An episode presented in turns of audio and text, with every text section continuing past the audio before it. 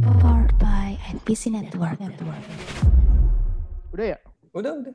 Udah kayak ini gua Cing Abdel. Cing Abdel gitu kan di videonya.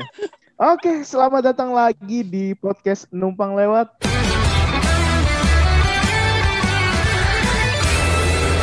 Dan seperti biasa bersama Aquam dan juga Ray. Ya, Tapi halo kali ini semuanya. Kita, ya betul sekali kita kedatangan satu bintang tamu yang enggak bukan bukan bintang tamu abadi kita bukan. Tapi ini adalah salah satu pemangku kebijakan di NPC Network. Ya juga pemilik saham ya kalau nggak salah pemilik saham dari dan Betul, betul, juga betul. dia merangkap sebagai pengamat koleksi barang-barang koleksi baik Hmm. itu mainan maupun istri simpanan waduh Waduh, waduh, waduh, waduh. langsung saja kita sambut inilah dia Bapak Norman halo Ya, Bapak halo, selamat malam Bapak-bapak yang ada di sini. Iwa. selamat malam ini Selamat malam juga. kedat- kedatangan tamu terhormat Bapak Norman dia yang ada di NPC iya. Ini by the way kursinya di mana ya? Kursinya ya? Kok saya berdiri doang ya?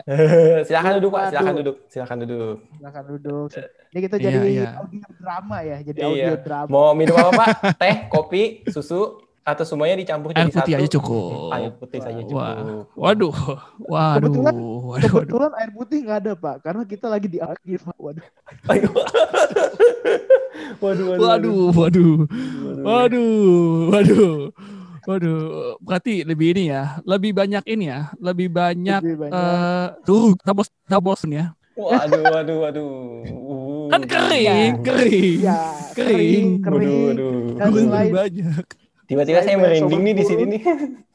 selain banyak seluruh Gabon kan banyak singa ya kan singa Iya, ada betul. Mufasa Mufasa Simba Nala sama Scar Aduh, aduh, aduh. Hienanya bertiga gitu. Aduh. hanya bertiga ada ada babi temenan sama mirket Iya. Terus temenan lagi sama singa nggak dimakan sama singanya bener-bener Iya. Singanya jadi eh, vegetarian sama eh, insektivora. Heeh. dan eh tapi itu bisa menggambarkan apa ya memberikan pelajaran loh buat kita Ah, bahwasanya apa itu? kita itu harus berteman dengan siapa saja dan ketika kita sudah berteman dengan siapa saja jangan sampai kita makan teman kita sendiri. Wah. Wah, aduh. Betul betul betul betul betul. Wah, Dan Bersama Bapak Norman tentu saja kita akan membahas Lion King. kenapa Oh, jadi Lion King? Kan tadi kita bahas dulu, nah bos. Hmm. Oh, iya. Dan di sini di Iya, pendengar iya, iya. numpang lewat ada dulu, nah bos enggak? Waduh, waduh, waduh. Semakin berani, semakin panas. Ya jangan dah, jangan. Ah. Oke, kita Nanti juga paling diedit. Tenang Eh, aja. jelas, jelas. Jelas, Editnya, diedit. editnya tuh dipotong atau di pip pip pip, pip gitu. Eh, yang lebih enak di pip pip pip sih. Iya. biar ini bi- biar orang penasaran. Eh tapi ini eh, Bapak Norman sehat Bapak Norman? Ya, saya eh, puji Tuhan sehat ya. Mm-mm. Eh, tidak kekurangan satu apa pun. Tapi ini dari tadi saya coba dikasih air minum, makanannya nggak ada ya. Oh, saya lupa Wah. ya. Oh. Afrika Wah, ya. Te- tenang, tenang Bapak Norman. Sebetulnya kita sedang mempersiapkan eh, makanan, tapi kita lagi pesen. Nah, buat teman-teman juga nih yang pengen menyiapkan makanan, itu gampang banget. Tinggal pesen aja di Go. Bisa iklan nanti di kita ya. Itu bisa tuh. Itu contoh eh, kita memberikan eh, iklan yang ada masuk di podcast kita. Seperti Hmm. itu. Iya, betul. Gitu. Betul, betul, betul. Betul betul betul. Ayo Ray, kita harus bagus-bagus nih di depan pemangku kebijakan Hmm. Network. Mm-mm. Jadi Betul, betul. gimana Setuju, nih setuju. menurut Bapak Norman podcast numpang lewat? Oh iya iya, sejauh ini saya menyukainya ya. Begitu banyak eh, jokes-jokes yang saya senangi dan tapi saya dari tadi tidak menemukan mana Jepang-Jepangannya ya. Oh, Malah jauh ke Afrika kita. oh iya. Eh, jauh ke Afrika. Iya. Enggak, kita ini belajar dari duo komedi yang sudah sangat bersejarah di Indonesia, yaitu eh, Takeshi Castle.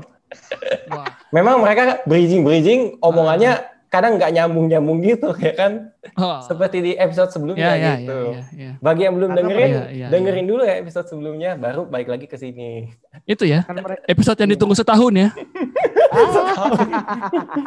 betul betul. Eh, anyway, Iya, eh, sekali. yaudah kita akan kembali ke topik kita ya. Sebagaimana kita adalah podcast yang fokusnya membahas tokusatsu khususnya Kamen Rider dan di segmen Superhero Time seperti yang ada di negeri matahari terbit sana yang menjajah Indonesia selama tiga setengah tahun. Waduh. Tapi sampai saat ini juga kita masih dijajah dengan pop culture, pop culture dari mereka, mulai dari anime, idol group, sampai tokusatsu gitu kan. Jadi pada dasarnya memang bangsa Indonesia ini senang dijajah ya.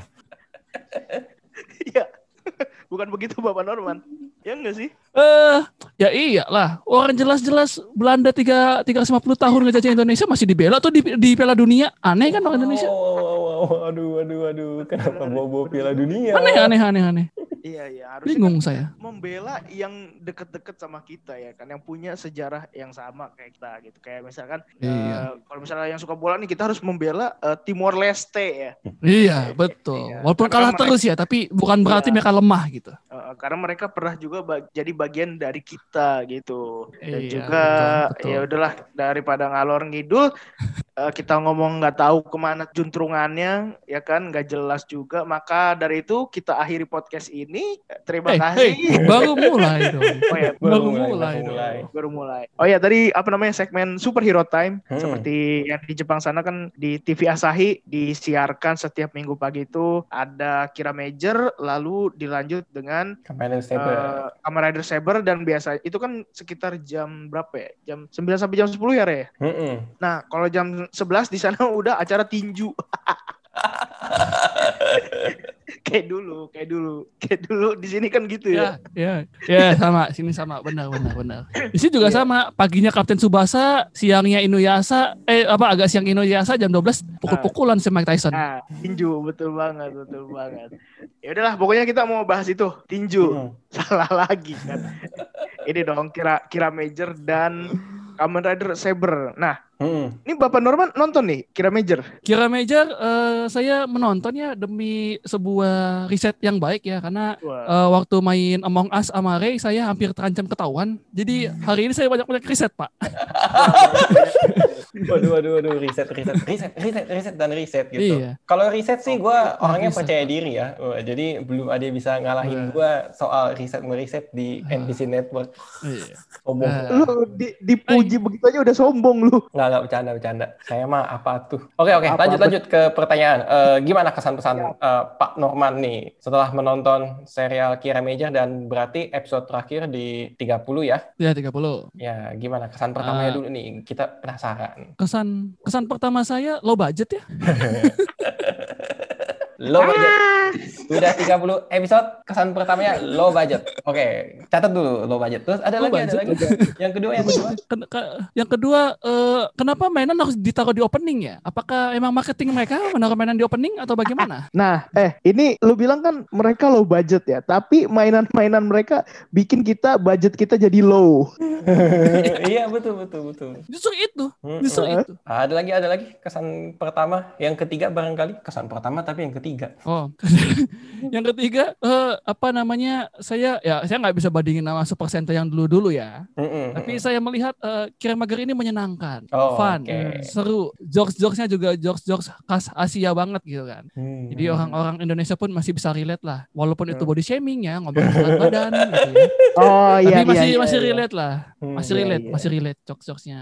Ya itu, itu aja sih yang Betul, kesan-kesan betul, saya betul. gitu lah. Walaupun tetap Iya, saya iya. masih bilang, walaupun tetap ya, list saya tetap nomor satu tuh low budget ya. Kostum hmm, monsternya Mannequin, di atasnya Mannequin, di bawahnya kostum nggak tahu apa tahu itu ya. Iya, betul sekali, betul. Itu memang Itu jadi salah satu catatan kita juga sih. Kita setuju sama Pak Norman ya. Jadi satu dua tiganya sudah pernah kita bahas tentu ya dan berarti teori kita tuh belum terpatahkan nih Wam. Karena Hmm. nggak cuman kita berdua doang yang setuju. Dia low budget, dia Oh, belum patah. dia- Oh, udah saya saya ganti deh. Saya ganti biar patah. Boleh nggak? jangan dong, jangan dong. dia low budget, terus kayak eh, mekanya tuh terlalu ya pajangan dan kolektibel sekali gitu. Hmm, hmm, hmm. Oh, iya, iya, setuju, setuju, setuju. Itu setuju, itu setuju. Iya betul betul. Ya mungkin kar- kenapa low budget karena memang ya itulah mungkin lebih dialokasikan ke aktor-aktornya yang di situ kan banyak orangnya Iya. gitu dan juga Apalagi- staff-staff. Mm, mm, mm. Pico Banyak. Taro ya. Nah, itu dia. Apalagi kan- yang paling mahal. Apalagi gini, Ray sama Norman. Sekarang kan lagi pandemi ya kan. Tentu Mm-mm. saja Ya, industri kayak gitu kan ada jatuh bangunnya. Mungkin saat pandemi ini jatuh gitu kan. Dengan misalkan mereka budgetnya untuk visual effect gitu. Nanti staff-staffnya sama aktor-aktornya mau dikemanain gitu. Masa mau dilakukan pengurangan Wah. Kayak gitu. Seperti ada itu ya. Iya. Perusahaan di Jakarta Iya. ada. Heeh. Iya, ada. Banyak, Pak. Banyak malah banyak, banyak. Banyak. Inisialnya JKT48. Astaga. iya. Iya, Ya iya. iya. Dan yang menarik lagi adalah yang dibilang Norman mainan Ray. Mm-mm. Nah, gimana nih menurut lo? Ayo dong, kita cerahkan orang-orang. Kita cerahkan orang-orang. Ya, kita tidak mau berhenti dan capek ya untuk mengingatkan kepada netizen dan pendengar numpang lewat untuk Berarti kita ini eh bisa dibilang juru dakwahnya penggemar tokusatsu ya. Jadi tuh gini, berdasarkan POV kita ya. Ya kalau misalkan nih kita nonton sebuah pertunjukan yang dikhususkan ke anak-anak gitu. Terus ngelihat harga Hmm. pajangannya mahal dan lain sebagainya. Mungkin Hmm. Anda merasa mahal itu karena bukan marketnya gitu. Atau ya memang Anda belum punya uangnya aja. Miskin udah bilang gitu iya, miskin. hmm, betul. karena Nggak usah- Eh, malu-malu. seharusnya kita menghargai usaha para pembuat mainan di sana gitu ya. Karena dengan adanya mainan dan pajangan ya, orang menjadi punya tujuan hidup ya dan hidupnya tidak disia-siakan, yaitu membantu Iya, iya. produsen mainan, membantu franchising, membantu Iya. aktor aktris di Iya, sana supaya ada uang jajan tambahan gitu. Karena wah Anda berhasil Iya. memarketkan mainan ini gitu. Nah, terus kan kalau Membantu gitu, buru-buru pabrik ya. nah Iya betul sekali. Buru-buru pabrik di bawah umur ya. Loh, kok jadi tiba-tiba buru pabrik? Ternyata dari tenaga-tenaga asing ya yang di bawah umur dipekerjakannya di eh, bawah tanah gitu ya, sebuah gedung. Ya begitulah pokoknya.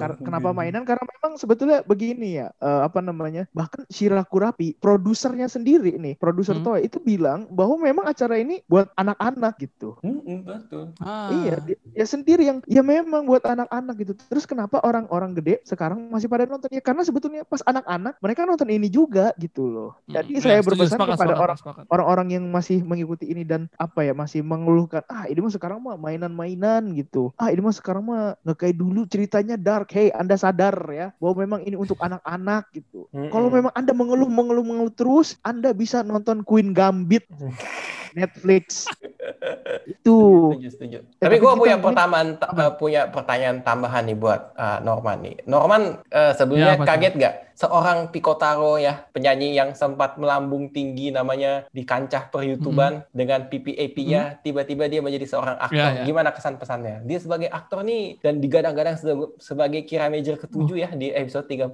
ini gimana gimana? Iya, iya.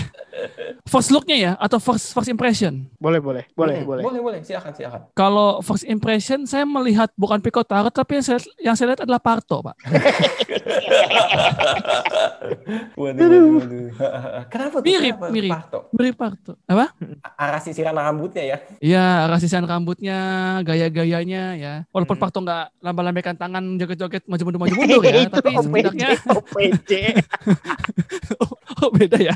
Beda ya. beda dong OPJ itu dulu beda beda iya eh, tapi setidaknya saya senang melihat Piko Taro ternyata tanpa kumis pun tetap ganteng dan tidak annoying gitu ya. Oh, Nah, oh, iya, iya, iya. setidaknya dia berguna lah di di acara inilah dia Gitu. berguna di acara ini. ya betul betul betul karena di dia kan episode dia jadi jadi Iya core-nya benar. Iya benar benar. Jadi apa namanya itu jadi apa sih namanya? Tim leader, tim leader ya. Tim leader. Tim leader. Kapten, kapten, kapten. Kapten, kapten dan memang di episode 30 ini ceritanya memfokuskan ke dia kan si apa namanya Miuro, Mi, eh Muiro, eh apa sih gimana sih ngomongnya? Ya, Hakatanami nama tokonya. Murio. Ah, Murio. Nah, itu dia Iya. Murio. Lebih ke situ. Yang mana sebetulnya sebelum di sebelum-sebelumnya itu eh, kita itu udah di reveal sama majalah-majalah scanan gitu, Norman. Dan Hmm. buat Toku fans itu sebetulnya sama yang namanya spoiler itu apa ya? Eh shit lah, fuck you lah yang namanya spoiler. Kita sangat akrab dengan mereka gitu loh. Karena sama perusahaannya sendiri dibocorin gitu. Udah dikasih majalah-majalah yang isinya Hmm. nih yang bakal muncul nih nanti di episode selanjutnya gitu. Jadi kalau di episode sebelumnya itu ada majalah yang menunjukkan dia itu lagi megang panah gitu. Jadi muncul spekulasi, wah nih dia bakal jadi Sentai ketujuh nih gitu. Ternyata di Hmm. prank, di prank dia malah nggak Kata jadi. di prank ini ya, di prank menjadi ini, abang-abang tukang mainan mangga dua benerin mainan. Padahal kan panah panah mainan kan. Iya iya betul betul betul. Kalau gue ngelihatnya dia di sini Iya, iya, iya. bukan tukang benerin mainan sih. Dia tuh kayak apa? teknisi IndiHome sama First Media. Wah. Jadi dengan alatnya si Kiraful Go Arrow ini, ya kan, dia kan hampir setengah episode Iya, tuh, 15 menit dia kerjakan gitu ya. Iya. Setelah selesai, muncul dan tersambung koneksi dengan Atamalen, tempat si King Oradin dan eh, Hakubo ya, berada gitu. Jadi kan Mm-mm. dengan Iya. satu tombol dipencet, ceklek gitu kan, wah si Oradinnya bisa datang, Hakubonya bisa datang. Berarti kan Mm-mm. koneksinya tidak terputus lagi gitu. Apalagi dia Iya, saat iya, mengerjakan iya. pakai kemeja warna biru. Wah. Memang ada, ada apa apa hubungannya nih emang? Ya kan beberapa provider internet Oh. kemejanya ada warna biru gitu. Iya iya iya. Kayak ini. Eh nggak tahu deh ngapaan. Nah itulah pokoknya. Gak jadi jokes. Eh, eh gue mau nanya sama Ray dulu. Eh, Iya. Menurut lu kira dia cocok gak sih jadi Sentai ketujuh gitu? Eh, cocok-cocok aja sih menurut gue ya demi merchandise dan lain sebagainya gitu. Kayak gue merasa kalau si eh, Kira Major ketujuh ini dijadiin merchandise ya, eh Pico Taro buka helm aja gitu. Mungkin penjualannya tuh lebih lebih lebih dibanding yang bukan Pico Taro gitu. Apalagi kan kalau kita lihat ya pas dia Henshin sequence ya itu eh, Hmm. apa ya ciri khasnya si Pico Taro ini kan selendang warna emas gitu di kiri sama di kanan gitu kan kayak harus ditunjukin di situ ya kan jadi kayak Iya benar-benar. orang tuh akan lebih Hmm. notice oh ini si Pico Taro pernah loh dia main di episode ini mau jadi ranger gitu tapi Nah, ngomong-ngomong kalau- soal masalah eh, spoiler gak spoiler yang kemarin ya menurut gua di sini tuh ada logic yang kayaknya eh, kecil kemungkinan dia jadi ranger ketujuh kecuali cuman imajinasi karena kalau kita tahu Kira Full Hmm. Arrow kan alat upgrade-nya si Sentai utama yang Hmm. di mana upgrade-nya pun eh, cuman hitungan 100 detik ya masa kalau misalkan dipakai sama si Buryo mungkin ya eh, namanya film anak-anak kan ada kemungkinan oh ya bisa-bisa aja dia berubah durasinya lebih lama gitu tapi Hmm, ya. kalau misalkan berangkat dari ya cuma 100 detik masa dia jadi ranger cuma 100 detik doang gitu Oh iya iya iya. dan iya, kalau iya. si ranger-ranger yang lainnya mau finishing move masa dia pinjam arrow-nya kalau pinjam arrow-nya apakah si Pico Taro akan undo henshin-nya atau perubahannya gitu atau enggak gitu Wah. jadi poin-poin Iya, yang sudah saya catat ini ya sebenarnya kayak oh iya imajinasi doang gitu atau alternatif Hmm. kedua ya dia one time doang gitu kayak eh, di pendahulunya Ryu Soldier ya ada Ryu Sol Brown muncul satu episode Hmm. tapi di Oke. scan-nya beberapa halaman gitu di majalahnya lucu deh Nah, nah terus ya, kalau ya. misalkan eh, buat Norman nih, secara look itu kan sempat diliatin si apa namanya Kiramei Goldnya ya. Nah menurut lu tampilannya Iya, tuh gimana tuh? Tampilannya tuh komposisi yang kayak begitu. ya Ih, to be honest, to be honest, kalau mau ini, gua kalau itu ada action figure gue beli. Wih. Kenapa coba? Kapan sultan, lagi? Bukan dong, Oh, bukan karena bukan, saya bukan. sultan dong. Oh, bukan, iya. Tapi maksud gua di saat ranger lain power up-nya pakai shield di tengah, ranger lain power up-nya badannya bulky. Ini bermodalkan berubah menjadi gold, gold sentai gitu kan. Dia memakai shell yang lebih sakti daripada bulky-bulkian. Ada shell kiri kanan, warna Iya, emas lagi kan. Betul betul apa itu shield-shield di tengah? Apa itu bukil-bulkian? Gak ada itu. Si- Mm-mm. Nggak ada. apa eh, shell adalah kunci, shell emas adalah kunci. Salbas adalah kunci. Tadi tadi gue mau nanya apa ya? Eh, oh iya, kalau kalau lu secara keseluruhan nama Kira Major looks-nya gitu. Tadi Oh, kan ini udah oh kostum kostum Sentai yang lain. ya tapi tadi kan udah dibilang Iya. low budget. Bisa dielaborasikan kenapa Anda menarik kesimpulan Mantap sekali. kostumnya low budget? Em, kena- ke- kenapa saya bilang low budget karena eh, polos sekali ya eh, kostum-kostum Hmm. sentai-sentai ini ya. Cuman dipakein eh, apa apa namanya eh, baju ketat warna merah, warna hijau, warna kuning. Terus Spandex. di itu tuh di eh, spandex spandex ketat doang. Terus Hmm. dicat tuh tengah-tengahnya biar biar ada gaya gambar jalan. Udah selesai gitu doang. Tapi Dari saya helmnya, tetap dari- suka. Suka Hmm. sama? Saya tetap suka. Helmnya saya suka. Keren helmnya, Oh. Pak. Hmm. Iya, karena memang helm yang mereka buat itu helm dari yang ada stiker DJ Maru. Tahu nggak? Tahu nggak? ada kan helm tapi ada tulisannya DJ Maru. Ada Iya, itu. Tahu, tahu. Iya, tahu, tahu, saya tahu. Saya kira helm di sampingnya tulisan KYT gitu kan. Wah, kalau helmnya. dipakai saat demonstrasi aman ya dari lemparan batu. Wah, lemparan batu dari mana nih? Saya, Ya kalau saya kira le- batu- lemparan molotov. Waduh, Waduh. lemparan molotov. Lemparan molotov yang membakar halte busway. Waduh. Bahaya banget. Halte busway-nya Vanuatu, Vanuatu. Oh, iya, betul, betul, betul, betul. Bukan Bukan. tempat yang lain. Bukan, bukan, bukan. Yang jelas eh, halte busway-nya di HI ya. Di Vanuatu Iya, juga ada HI, iya, ada iya. HI. Iya, ada. Iya. iya. Oke, kita akan Hachiman kembali. Suyo ya. kita ke- kembali lagi. Tapi gini nih, gue pengen, gue penasaran sih sa- kalau sama eh, bisa dibilang lu kan baru nonton lagi nih ya Sentai ya, Hmm. Norman ya. Ya, ya, ya. Eh, gua nonton Kira Major ini karena satu hal sebetulnya. Kenapa tuh? Heroinnya di Hmm. situ ada Mio Kudo yang berperan sebagai Sayo sama Yume Shinjo, Yume Shinjo eh, sebagai siapa dia namanya Sena. Sena Hayami. Nah, menurut lu gimana nih? Dua heroin Ah. ini. Apakah ini menjadi daya tarik lu juga gitu? Oh jelas, jelas. Saya menonton Sentai bukan hanya karena penampilannya keren-keren, tapi wanitanya juga itu loh. Apalagi saya nggak tahu ya, mungkin emang dari dulu eh, punya keterikatan antara Ranger Pink atau Sentai Pink itu adalah yang paling feminim dan yang paling cakep gitu loh biasanya. Dan terbukti memang di sini Ranger Pink yang lebih apa eh, Ranger lagi, Sentai Pink yang lebih lebih oke secara looks gitu kan. Rambut panjang, muka polos, terus Eh, apa eh, apa wajahnya agak runcing gitu kan ketimbang yang hijau yang hijau mah ya itulah mbak-mbak ayan pada umumnya lah gile gile gile gile. Anda langsung body shaming gitu ya? ya maksudnya kan di ayan juga banyak pak yang kayak gitu pak Hmm. Iya. bukan saya body shaming udah kasihan dia udah body shaming di di seriesnya Serius saya ya? body shaming lagi Bagus juga selera Anda. iya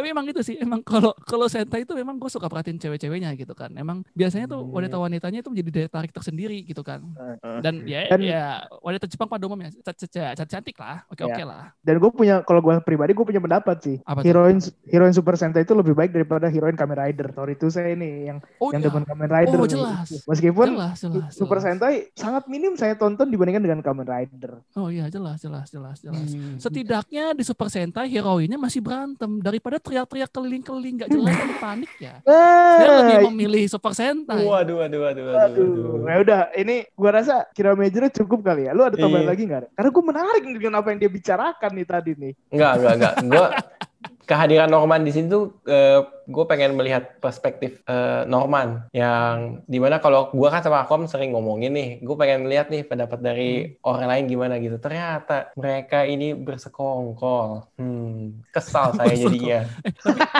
Tapi tambahan tambahan Iya. lagi nih tambahan Oke, buat oke, oke. Kiramager nih Hmm. satu-satunya hal yang menarik satu-satunya tapi salah satu hal yang menarik dari Kiramager adalah cara menjual mainannya selain ditaruh di opening sebagai bor-boran itu di opening tuh ya Iya, iya, Bisa di betul, opening. betul. Opening sequence ya. tapi ditaruh juga di itu ditaruh juga di apa namanya di endingnya di Oh, apa uh, next. preview episode Preview, berikutnya. preview. episode- Iya, betul. kita jadi tahu ukurannya ukurannya ya kira-kira setinggi mic saya gitu loh Iya, Jadi betul, kayak kalau saya betul. jual mic sepertinya saya bisa beli mainan itu gitu Iya, itu yang menurut jual mic aja kali gue ya Jangan-jangan. Nanti NPC Network eh, siapa dong ya eh, lanjutin Iya. podcast ya. Kalau menurut eh, ini ya eh, informasi orang dalam tahu ya yang gua dapatkan ya, itu memang ya Mm-mm. sengaja mereka lakukan karena belakangan ini nih saat terjadi pandemi ya orang-orang tuh banyak yang susah tuh untuk eh, datang ke toko mainan dan melihat secara langsung ukuran si pajangan-pajangan atau DX-DX-nya eh, mesin eh, Kirai Major ini setinggi apa sih kira-kira gitu. Belum ada nih iklannya yang kasih lihat gitu scale to potato, scale Hmm. to table, scale to banana gitu. Hmm. Jadi dia bilang, hmm sepertinya ini ide yang menarik untuk kita buatkan jadi satu episode khusus gitu. Berhubung kita masih di episode 30-an, ya kan kita masih jalan Hmm. panjang ya menuju 50-an gitu. Mm-mm. Iya. Ya, episode jualan lah ya Ya, betul betul harus Bah, harus. ya Karena memang- mereka belajar dari eh, eh, saingannya mereka ya si Suburaya ini. Lebih baik mereka jualan mainan di satu episode daripada dia bela-belain punya satu episode nge-review ya atau mengkilas balik episode 1 sampai dengan episode sekarang gitu. Seperti Ultraman. Z. waduh. Hmm, ya, ya, ya, ya. Karena kalau dia. Ultraman Z yang kemarin gue perhatiin deh kan eh, ada kilas balik kilas balik gitu. Buset itu komentar netizen ya ampun pedasnya. Das ya. Memang netizen seperti itu ya memang. Iya Iya. sudah dapat Bapak Akom sudah merasakannya ya. sudah Sudah saya. eh, sudah dapat tontonan gratis tapi omongannya sadis. Aduh, sedih sekali. Ya memang gitulah. Nama juga manusia nggak ada puasnya. Waduh. Waduh. Harus selalu disisipkan nilai-nilai moral kita tuh di sini. tuh. Wah, moral, moral, moral dan moral. Walaupun sedikit, walaupun sedikit. Ada lagi Rey, karena gue menarik sekali nih. Iya, justru gue juga nggak sabar nih langsung ke Saber karena Oke. gue pengen membantai kalian. Kenapa sih Meisudo dijelek-jelekin dibanding-bandingin? Saya lebih cantik, saya apa? lebih berguna. Tidak juga menurut Eh, saya. enggak, enggak. Tapi tapi sebelum kita masuk ke Meisudo nih, gue pengen bahas ada satu berita nih yang gue baca eh, beberapa hari yang lalu. Jadi di Jepang itu kembali lagi netizen netizen Jepang ya. Hmm. Berarti kalau netizen Jepang itu apa bahasa Jepangnya? Apa ya? Netizinu, netizinu. Ya itulah pokoknya ya. Netizen. Nihongo netizen, Nihongo netizen. Nihongo, iya. Netizinu. Nihongo, netizinu. Net, Nihongo Iya. netizinu. Mereka itu merasa tidak senang dengan Kamen Rider Saber setelah penayangannya di episode 8. Karena menurut me- mereka itu kayak apa ya, eh, mengait-ngaitkan sang penulis skenario yaitu Takuro Fukuda yang juga menulis skenario untuk Kamen Rider Ghost. Jadi Kak bilang ceritanya membosankan, terlalu banyak tokoh yang dikeluarkan jadi nggak fokus sama satu tokoh gitu, sama Hmm. satu karakter. Begitu mereka bilangnya. Dan eh, ke Bapak Norman ya, Ya. apakah Bapak Norman ini nonton kan dari episode 1 kan? Nonton, episode- nonton, nonton. Dari satu gue nonton. Apakah, apakah Bapak Norman merasakan hal yang sama gitu, merasa bosan, merasa ya aneh lah gitu. ヘ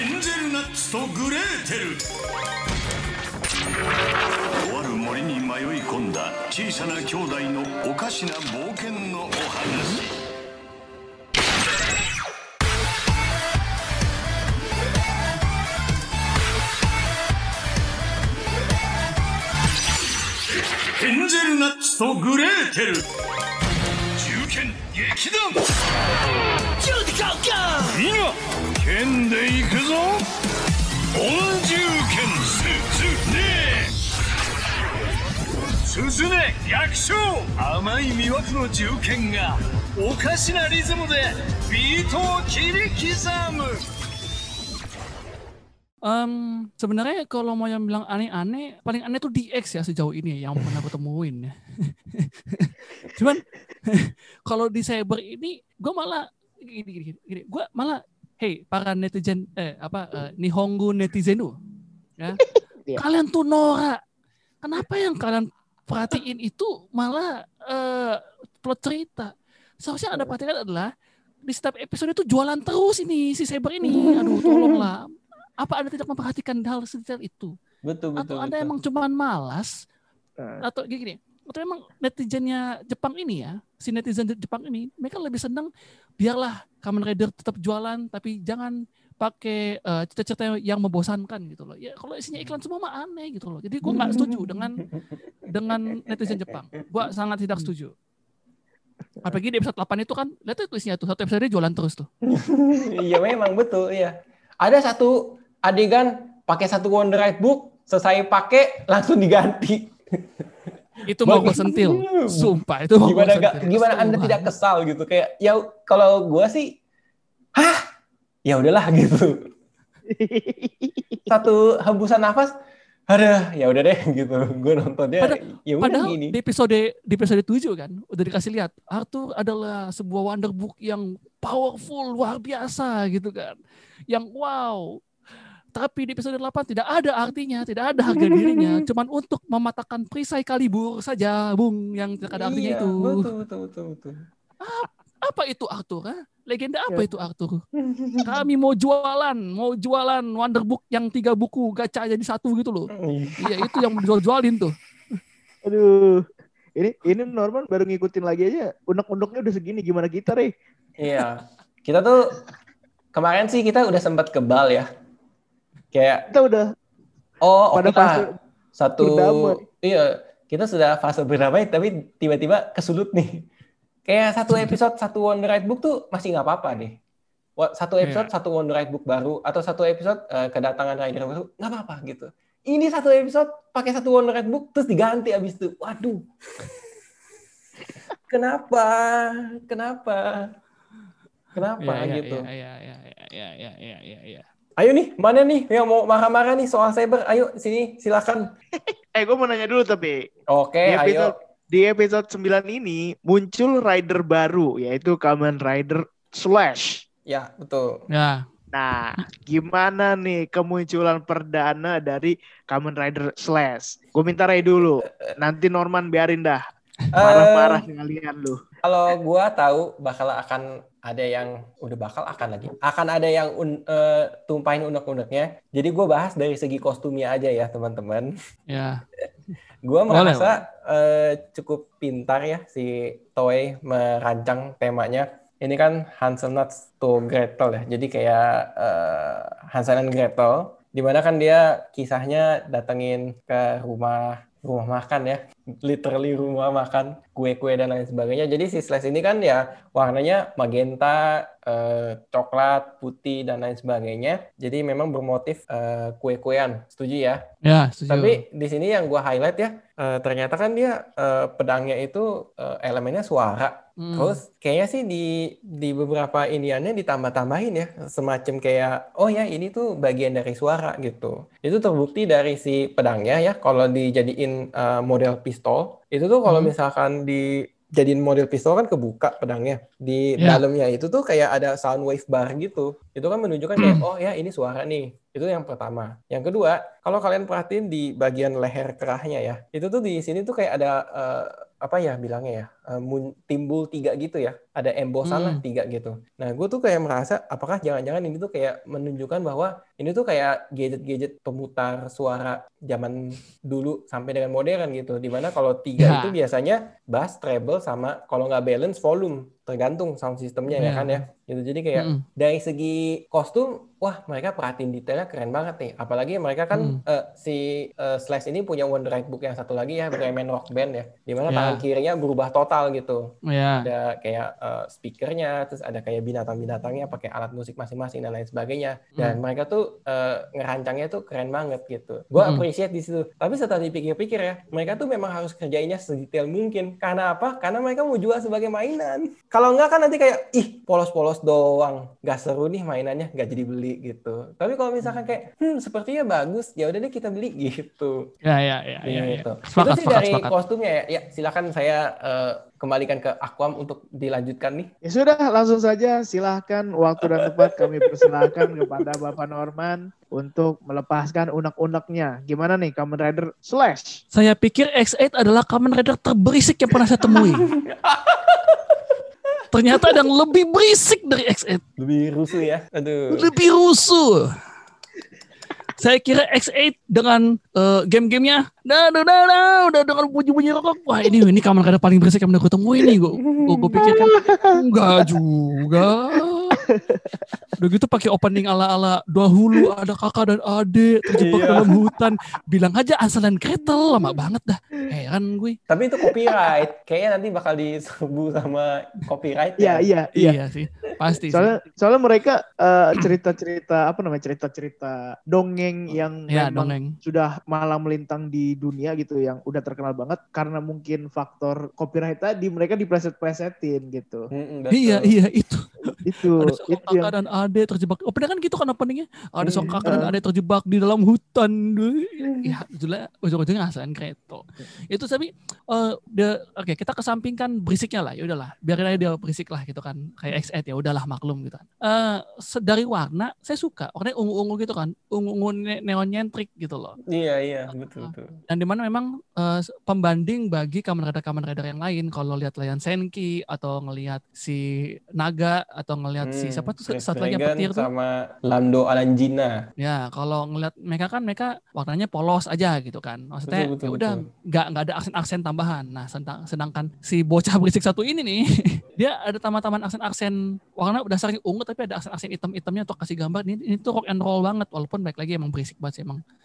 Wah sumpah itu gue kecilin suaranya kayak wah ya ampun berisik banget gitu ya tapi ya overall gue Kamen Rider ini gue suka karena kemunculannya juga tiba-tiba dan mengagetkan gitu ya Hmm. dia kan tadinya kan dibilang Dep adalah seorang kesatria juga tapi pedangnya pedangnya rusak gitu kan Hmm. terus dia benerin lagi pedangnya dan akhirnya kembali gitu loh walaupun Hmm. gue sejujurnya lebih suka kalau dia meneliti eh, Arthur daripada jadi Kamen Rider ya sekian bapak Hmm, Aquam hmm, terima kasih Bapak Norman. Daripada dia meneliti Arthur, lebih baik dia meneliti eh, vaksin virus corona ya. Wah, wah, berguna seperti itu. Akan lebih Iya. Eh, Ini sempat Seperti bilang eh, ini ya X8 ya. Asal Iya, tahu aja X8. saya sebetulnya fanboynya X8 loh saya. Wah, Saya aduh. juga- Saya juga suka X8 pak. Saya suka X8 Oh, gitu? pak di awal-awal, di Heeh. awal-awal tapi Di Begitu awal-awal. Heeh. sudah mulai berisik game-gamenya banyak, sudah mulai berisik, Heeh. lalu tiba-tiba badannya bulky, ya udahlah, balas.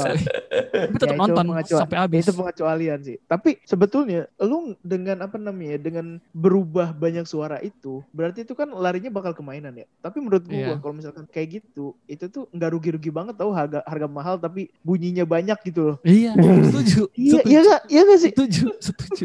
Bener kan?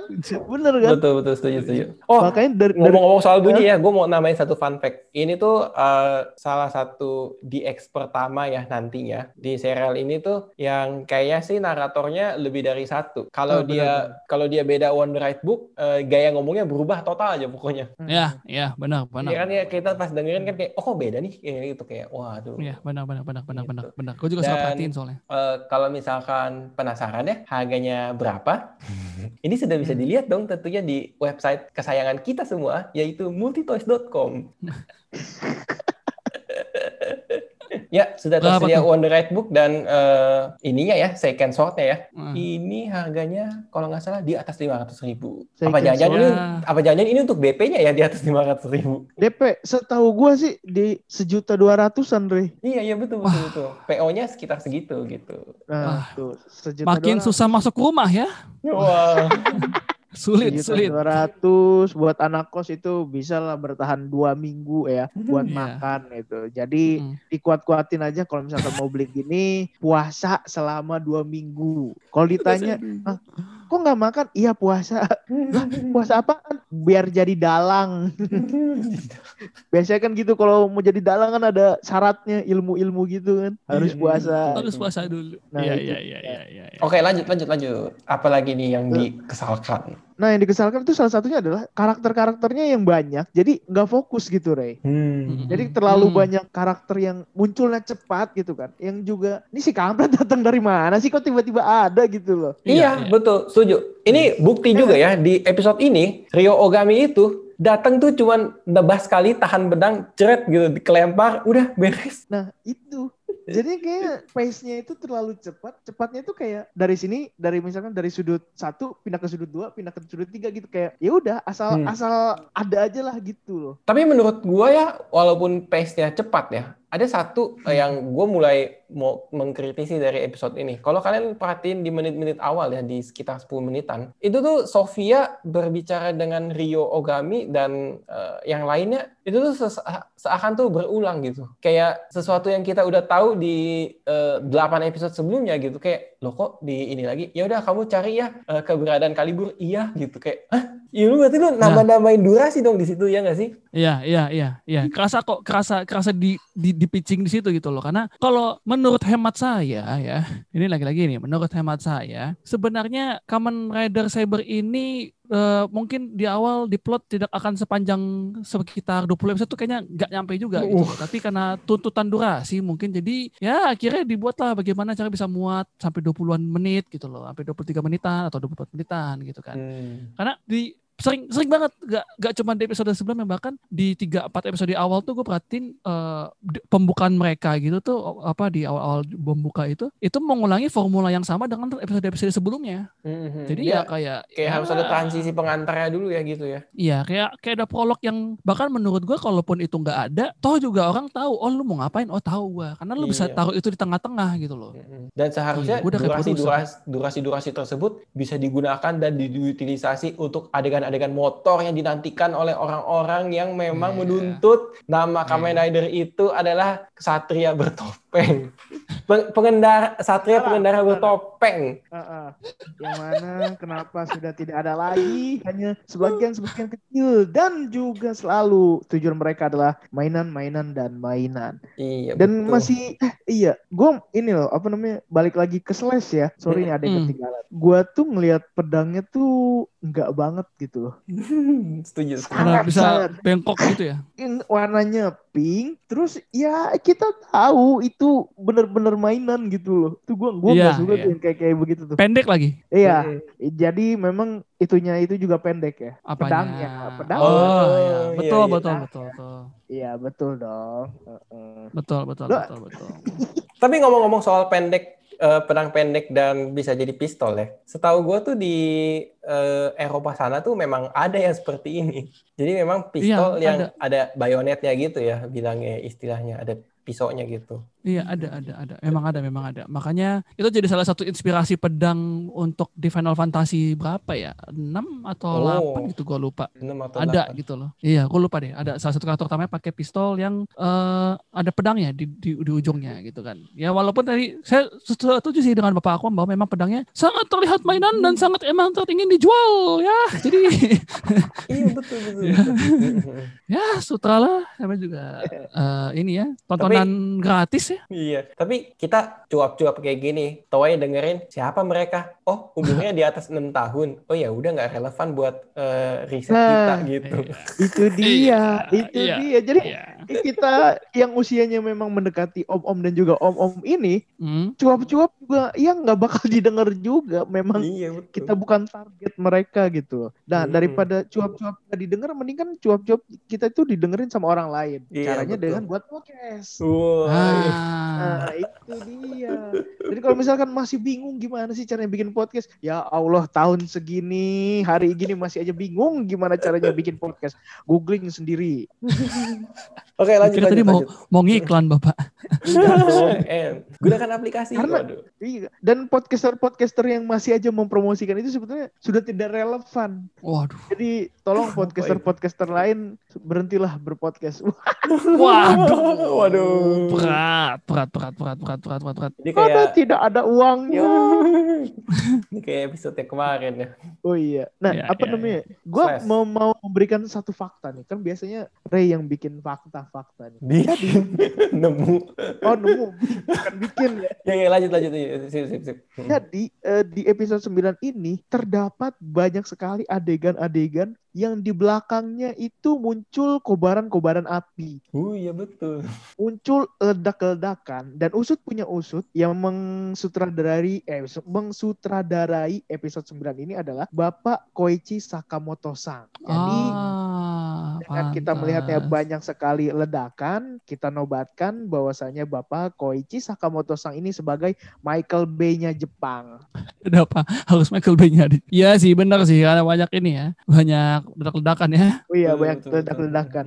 Tapi nih ya, poin bagus dari Kamen Rider Saber sejauh ini sampai episode 9 menurut gua jumlah fighting scene-nya cukup banyak Hmm. dibandingkan Iya. dengan Kamen Rider Kamen Rider lainnya gitu. Formula formula untuk menampilkan adegan bertarung itu lebih banyak karena gini, kebanyakan formula Kamen Rider itu adalah sedikit bertarung di awal-awal episode, cerita-cerita cerita-cerita cerita-cerita cerita dan Ya. sedikit sekali bertarung ketika episode mau berakhir. Nah, itu. Ya. Tapi di Saber ini menurut gua ya cukup lumayan lah meskipun memang masih kerasa cepet gitu. Karena mungkin itu tadi banyaknya karakter, banyaknya tokoh. Jadi nggak bisa fokus gitu. Cuma sejauh ini so far so good dengan adegan Hmm. pertarungannya gitu. Menurut kalian gimana nih? Setuju setuju. Boleh dari Norman dulu. Ada komentarnya? Kalau gue udah punya juga sih komentar. Em, untuk Saber sih gue sepakat sedikit sepakat sedikit ya saya eh, suka dengan bap, eh, bapak eh, Aquam tadi ya karena memang adegan eh, fighting scene-nya di sini cukup banyak dan cukup niat sinematografinya. Itu yang perlu saya garis bawahi. Cukup niat bukan cukup niat sih emang niat banget sinem, sinematografinya. Lo nggak bisa nemuin sinemat- sinematografi yang sama dari kaman-kaman rider sebelumnya gitu loh. Ini menurut gue sesuatu hal yang fresh yang bisa gue lihat. Nggak tahu ya mungkin karena mereka terpacu dengan kirim mager beberapa episode kemarin tuh yang dapat sinem sinematografi yang bagus banget gitu kan yang wow walaupun yang episode 30 kemarin eh tapi ya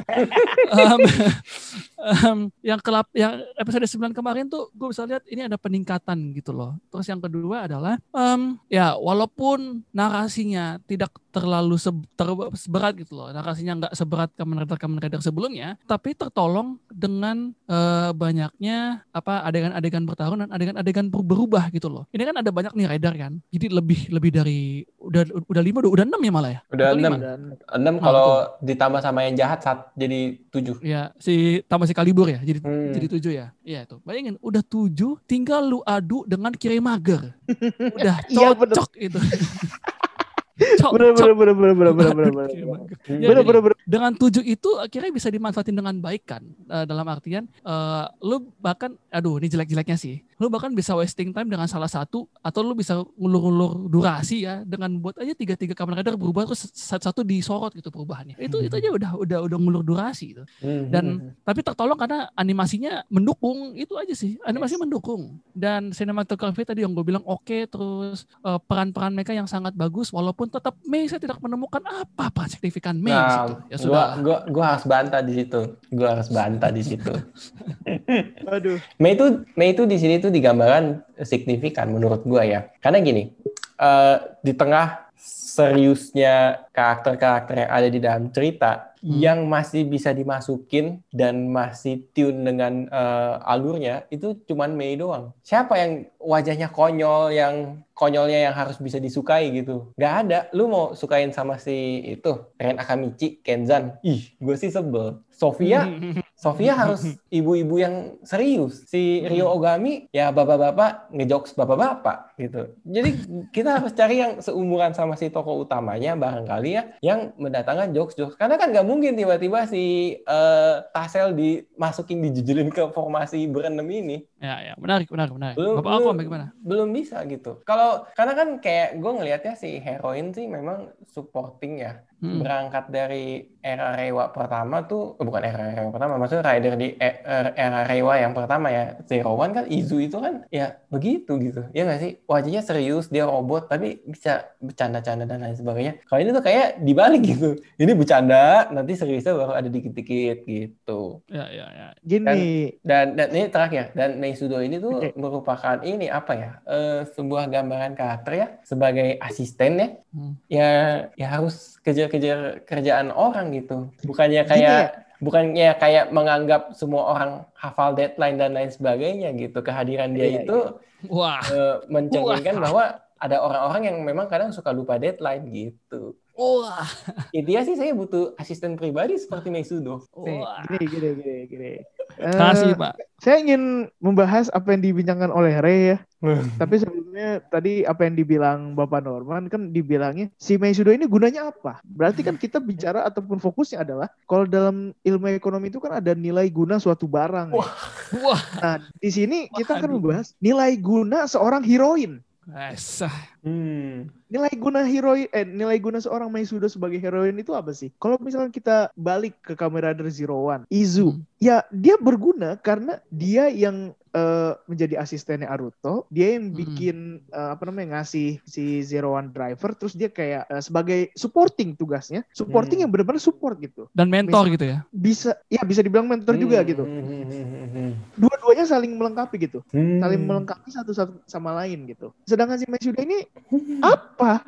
hanya deadline ini deadline ya nggak usah jadi heroin jadi tokoh biasa bi- perempuan biasa aja gitu loh nggak nggak ada sesuatu spesial gitu dia cuma ya begitu begitu doang terus datang fungsinya menurut gua cuma satu Apa tuh? kalau misalkan yang dibilang Norman kayak beru, apa namanya satu rider berubah itu buat manjang-manjangin durasi ya Meisudo ya itu Tidak berubah tapi panjang-panjangin durasi. Waduh. nggak penting nggak penting Tunggu dulu, tunggu dulu, tunggu dulu, tunggu dulu. Eh tapi tapi Tunggu tapi dulu, gue sepakat sih karena karena Me- Meisudo itu adalah tipikal-tipikal eh, wanita yang memang eh, perannya tidak tidak si- signifikan tapi dia tim hore. Yang di mana tim hore seperti ini ada ada dapat temukan tim hore seperti dia di Blok M. Kenapa di blok Gitu. Bisa temukan di Blok M. Tan maksud gua tanpa diberi tanpa diberi highlight pun, tanpa diberi highlight pun di Iya, iya. di Kamen Rider, maksud gua ya nggak perlu jadi di- disorot pun ya Cyber itu masih tetap selamat gitu loh. gimana Ray ada tanggapan lu? Ada dong, ada dong. Kalau kalian ingat ya, satu episode sebelum si eh, Blades berubah Wonder Combo, dia Ya. tuh sudah mau phone a friend loh. Dia sudah mau phone a friend. Ayo bertahan, gue panggilin bal bantuan gitu. Dia sudah berinisiatif mau panggilin bantuan, tapi dilarang. Hmm. Ya, itu satu. Terus yang pas dia lawan si Salamander, dia Hmm. inisiatif ke Wonderworld bawa petasan supaya mereka bisa dicari. Nah, Hmm. Jadi memang ada beberapa episode ya, ya dia ada gunanya di situ gitu. Kenapa dia tidak berguna di beberapa episode lain? Ya karena penulisnya bingung dan fokusin dulu ke enam rider yang bisa jadi jualan mainannya. Ya kalau gitu kenapa nggak dari awal nggak usah ada heroinnya aja gimana? ya kan ngapain Iya, coba? Oh. Ngapain coba? Bener. Cuma Karena gini. Hmm. Ayo, Iya Pak, ayo. Pak, silakan Pak Akwam. Siapa, Iya. siapa yang mau debat? Ayo, ayo, ayo. ibarat kata kue tar ulang tahun di situ tuh cerinya Meisudo tuh cerinya nggak ada juga kuenya tetap enak ada juga ya, siapa nggak semua orang suka ceri gitu loh Ya, cuma buat hiasan kayak bawang putih di bubur lah di bubur ayam eh apa daun bawang di bubur ayam gitu Daun bawang di bubur ayam. cuma Iya. daun seledri daun seledri gitu doang kalau lu lihat si siapa namanya Izu itu kan dari awal bener-bener dia punya interaksi dia punya relationship hubungan antar eh, asisten dengan apa namanya direktur saconya itu kan itu ada interaksi Hmm. seperti itu ada hubungan Hmm. sedangkan si Meisudo nih kayak ya ada cuma mbak-mbak numpang lewat misi mas gitu doang Tunggu dulu, tunggu dulu, tunggu dulu. Ini baru episode ke-9. 9 itu dari 50 tuh baru 20% perjalanan. Anda baru bisa ngomong kayak gitu kalau misalnya sudah di atas 60% gitu. Jadi kalau misalkan udah di atas 30 episode gitu, baru kalau misalkan eh nih ya, episode 30-an rekaman si Saber kalau Mei sudah masih gak berfungsi baru gue ngomong. Iya, iya betul betul. Udah. Gue salah ya Nanti- waktu itu gitu. Nanti gue datang ya. Nanti gue datang Ya, di episode, iya, episode di 30. sini. Ntar gue datang ya. Hmm, Ntar iya, gue iya. datang. Gue meramaikan. iya, iya. Memper- Karena gini loh, gini. mempertanyakan Iya, karena gini loh, gini ya, gini ya. Perannya Meisudo itu bisa diganti oleh siapa pun di, di Saber gitu loh. Siapa pun bisa gantiin peran dia, siapa pun. Nah, Nggak bisa. bahkan bahkan Nggak, bahkan nggak, nggak, eh, nggak. tunggu tunggu eh, tunggu. Ingat nggak semua cewek- orang itu fasih bermain sosial media dan bisa cari algoritma yang tepat di sosial media. Kalau misalkan dia perlu hashtag wah busa-busa fenomena busa gitu. Siapa yang paham? Siapa yang tahu? Siapa yang bisa mendeteksi oh busa yang dimaksud tuh busa yang kayak gini gitu. Selain si Meisudo. Nah, justru nih ya, justru kalau yang dari gue lihat ya, lebih berguna wanita terakhir yang di preview itu yang dia bawa Oh, Wonderbook baru, itu lebih berguna. Karena dia kasih Jelas-jelas bawa Wonderbook. sesuatu yang baru. Iya, berguna kan Wonderbooknya di, dicuri kan, di, diambil kalibur kan, ya kan. Nah, Satu Dia datang ya. kan? Hmm, hmm, hmm. nih gue kasih nih yang baru, lebih berguna daripada lari-lari keling-keling panik. Ya, bagaimana? dan kalau- kalau gue rasa Kalau menurut gua ya, apalah arti mendapatkan kekuatan baru kalau tidak bisa menemukan lokasi musuh dengan cepat? Wah, Pak Akwam, kasih paham, ayo. Mbak. Ayo, coba lawan-lawan sini-sini. Tetap ya maksud gue yang ini kan dia gelarnya heroin gitu loh yang memang Hmm, dari iya. awal diproyekkan lu lihat deh dari Kuga misalkan ya kita heroinnya begitu-begitu aja kayak nggak punya power tapi punya support, Support, ya. sama si Godai gitu jadi gini loh kayak apa ya ngebayanginnya si harusnya tuh si Riot apa si Toma itu colokan Hmm. si Meisudonya itu ini car kepala charger gitu jadi plek gitu loh. Ya, ya, ya, ya, ya. bisa kan? Kebayang kan? Ya, cuma kebayang, kebayang. fungsinya dia misalkan nemuin eh, pakai Instagram gitu kan. Gitu-gitu doang. Itu cuma tipis-tipis gitu loh. Ini heroin. Sayang kalau lu cuma kasih peran segitu doang. Jadi menurut gue ya tetap dulu, apa tunggu dulu, tunggu dulu. nirguna nirguna gitu Kalau tiba-tiba dia jadi rider ke-8, rider ke-9, kaget nggak kalian? Kalau kalau kalau Mesudo jadi Kamen Rider ke-8 atau ke-9, mending lu merger aja sama sama Kira Mager. menurut gue yang lebih cocok jadi heroin adalah yang jadi Kamen Rider slash. Maksudnya kalau misalnya kita me- melihat ini ya nilai gunanya dia lebih berguna dibandingkan dengan Meisudo iya, bener setuju sih. Karena dia kan tukang tukang benerin ya, penempa ya. Re- reparasi. iya itu Oh, dan gue nonton ada salah satu episode spesialnya selain dia tukang reparasi, dia juga bisa menciptakan Wonder Right Book baru loh. Nah, wah itu baru yang namanya eh, Support apa ya. price to Hmm. value, price to Price to value gitu loh. Ada value-nya, ada harganya gitu. Hmm. Oke, ini, ini menarik sekali nih. Kita memperdebatkan Meisudo gitu kan. Iya, Jangan iya, sampai betul, betul. menurut gua sayang juga gitu kan Meisudo. Jangan iya, sampai bener. dia kayak ini Miyokudo di Ghost. Buat Tapi Miyokudo bukan heroin di Kamen Rider Ghost. cuma sangat disayangkan juga. Jujur ya, gua sama Miyokudo di Ghost itu kayak Kesel ya? Enggak maksudnya pas gua nonton Kira Major, oh dia ada ya di Ghost gitu loh. Gitu. Maksud gua, nih cewek secakep ini, oh ternyata dulu main di Ghost ya.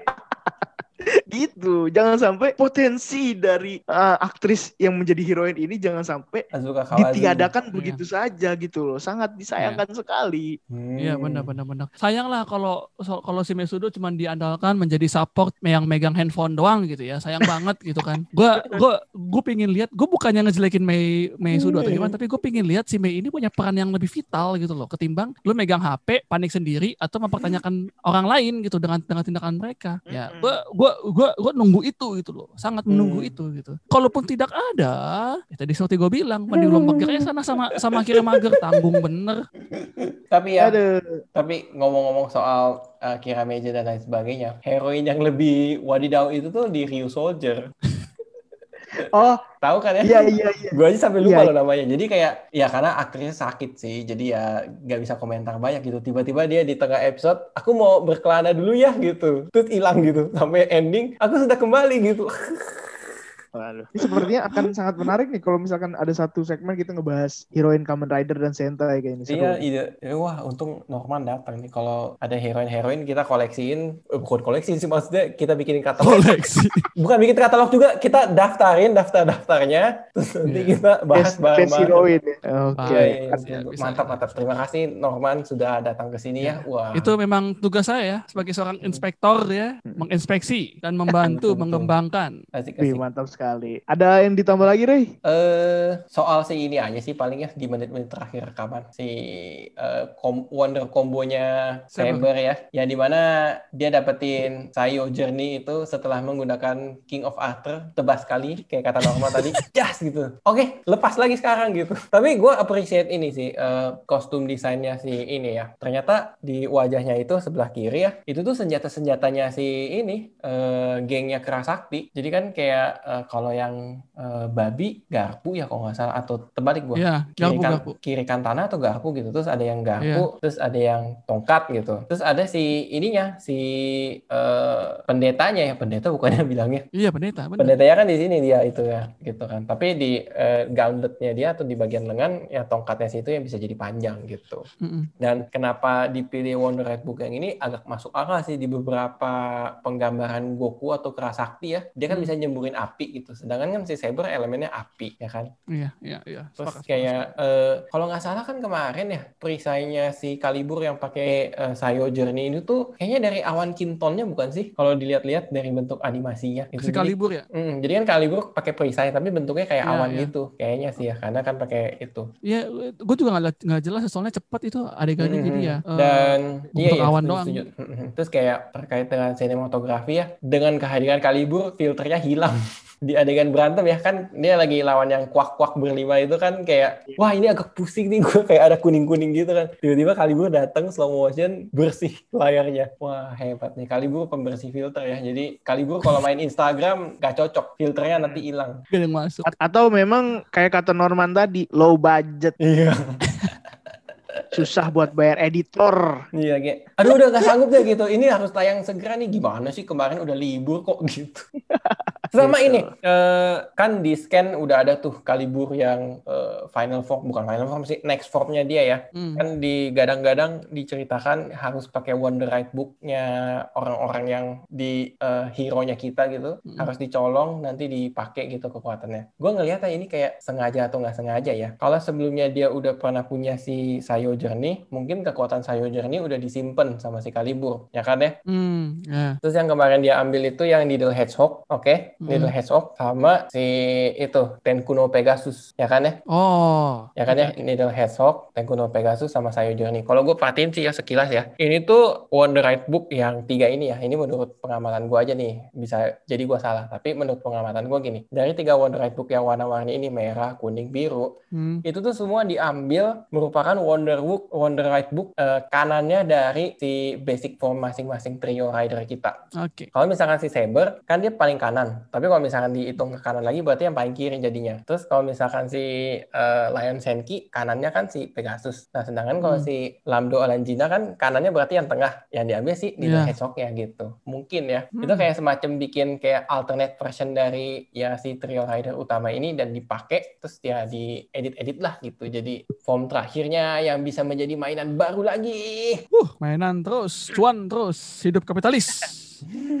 betul betul betul. Ini mau dihabisin sekalian apa di stop dulu? Oh masih Kalau ada lagi? sih, enggak, kalau gue udah. Kalau gue juga udah sih. Udah. Ya udah, terakhir dari Norman mengenai keseluruhan Kira Major dan juga Kamen Rider Saber. Gimana nih? Eh, saya cuma bisa mengungkapkan dengan saya cinta Kiremager dan eh, Kamen Rider Saber yang low budget. Low budget. Iya. Dan Efektif tentu saja efisien. pasti pasti Anda lebih cinta sama Miyokudo dibandingkan dengan Meisudo. Waduh, Sudah waduh, jelas. Waduh, waduh. Paten, paten. Valid ya, valid ya. Valid. Waduh, waduh, waduh. Ya udah, eh, mungkin itu Oke lah. saja Hmm, perbincangan kita pada hari ini. Sekali lagi terima kasih buat Norman, terima kasih banyak Nah, ya. telah Saya juga berterima kasih ya sudah bisa main ke sini jadi saya bisa inspeksi Oke. Aquam dan Ray yang kalau di podcast lain eh, rusuhnya luar biasa. Kalau di sini Gitu. Buatnya sendiri santun. di rem-rem ya, di rem-rem. ya, ya, ya. Karena kita ini apa namanya juga kita membayangkan kalau kita ini juga toy gitu. Yang Iya. mana memang target mereka anak-anak. Kita masih mikir ini kalau ada anak-anak yang dengerin kita gimana gitu. Iya, betul betul. Itu loh masih mikir gitu. Ya nilai Iya. inspeksi dari saya atitik lah. Atitik. Weh, mantap mantap mantap. mantap mantap mantap. Oke, you, kalau gitu eh, sekali lagi terima kasih buat Bapak Norman dan eh, kita ke depannya seperti akan resign dari NPC ya.